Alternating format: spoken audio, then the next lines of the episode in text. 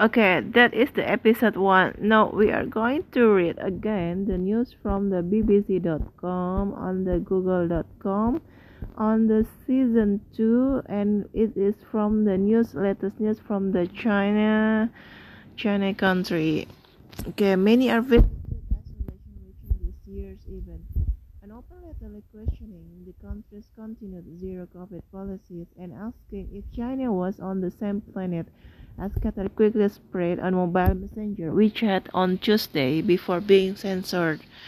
Comments on the Twitter like Weibo social network arrive arrive from viewers who speak about how watching this year's matches is making them feel divided from the rest of the world.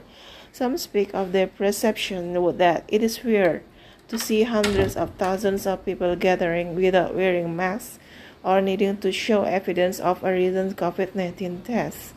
There are no separate seats so people can maintain social distance, and there is nobody dressed in white and blue or medical garb, on the sidelines. This planet has become really divided on one side of the world, there is the carnival that is the World Cup. On the other are rules not to visit public places for five days, one says. Some say that some say they have had difficulty explaining to their children why the scenes from the World Cup are so different to those people face at home. There are many in China, though, who have been critical of countries overseas opening up while the World Health Organization still calls the COVID 19 virus an acute global. There is no end in sight to China's existing measures. This week, the National Health Commission spokesman warned against any slacking in epidemic prevention and control and urged more resolute and decisive measures to bring cases under control. Local governments in major cities have reintroduced mass testing and travel restrictions and ultimately delivered a message that people should try to stay at home. But after three years of such measures, people are frustrated, resulting in protests in the last month in both the cities of Guangzhou and Zhengzhou. And more on this story read how COVID is rising again in China two days ago is the latest news from the BBC.com. How many COVID cases does China have and where, what are its rules? China has seen its first death from COVID 19 in six months, and thousands more people are catching the disease despite the government's strict lockdown policy. The World Health Organization WHO has said China should rethink its strategy. Meanwhile, COVID rising across China. On Sunday, 20 November alone, there were 26,824 new cases recorded in China. That is close to the peak back in April 2022. Three people in Beijing are reported to have died from COVID 19 over the past few days. New COVID cases have been reported throughout China. Guangdong in the south is the worst affected region. And what are China's lockdown rules? China is no longer imposing a national lockdown and has relaxed a number of previous measures. However, the central government is telling local authorities to impose strict lockdowns in their areas when they detect a COVID 19 outbreak even if only a handful of cases are found. Mass testing is being carried out in places where cases have been reported. People found to have COVID 19 are isolated at home or placed under quarantine at a government supervised facility. Businesses and schools are closed, and so are all shops except for those selling food. It is one of the toughest anti COVID regimes in the world and lockdowns last until no new infections are reported. Tens of millions of people have been living under some kind of lockdown since the latest wave of COVID 19. Guangzhou, a southern city of nearly 19 million people, recently ordered a five day lockdown for Baiyun. It is its most populous district. Some rules, however, have been relaxed. Those found with COVID 19 are now kept in isolation for only eight days rather than 10 5 days at an isolation center plus 3 days of isolation at home.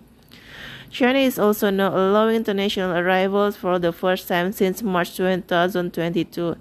Inbound travelers need to take a COVID test for 80 hours before they arrive. And why is China still trying to achieve zero COVID? Unlike other countries which have accepted they will have to live with the disease to a certain extent, China is following a policy it calls dynamic zero, taking dynamic action whether, wherever COVID 19 flares up in order to eradicate it. China's government argues that this policy saves lives because uncontrolled outbreaks would put many vulnerable people at risk, such as the elderly. Strict lockdowns meant China's death toll has stayed low ever since the start of the pandemic. The official figure is now just over 5,200. This reported figure equates to 3 COVID deaths in every million in China, compared with 3,000 per million in the US and 2,400 per million in the UK. What effect have zero COVID policies had on China's economy? In recent months, lockdowns have taken place in several cities at the same time. This includes Shenzhen, a city of 17.5 million, which is the center of China's technology sector, and Shanghai, a city, a city of 26 million, which is China's manufacturing, trade, and financial hub. Lockdowns have led to factories and ports being shut for long periods, and they have affected a number of joint ventures with foreign companies. This means that China's economy has grown by only 3.9% over the past year, compared with China's growth target of 5.5% for 2022. It is also affecting businesses and consumers in the rest of the world who have come to rely on China for supplies of goods. A lockdown at the Foxconn plant in Zhengzhou has affected the production of iPhones, leading to fears of a worldwide shortage of them. Factory closures have also led to fears of a shortage of toys worldwide in the run up to Christmas. And another story is the news is why does the WHO we the WHO think a zero COVID policy is wrong. Well, in this news is written, China was seen as an example of a country handling the virus relatively successfully at the start of the pandemic.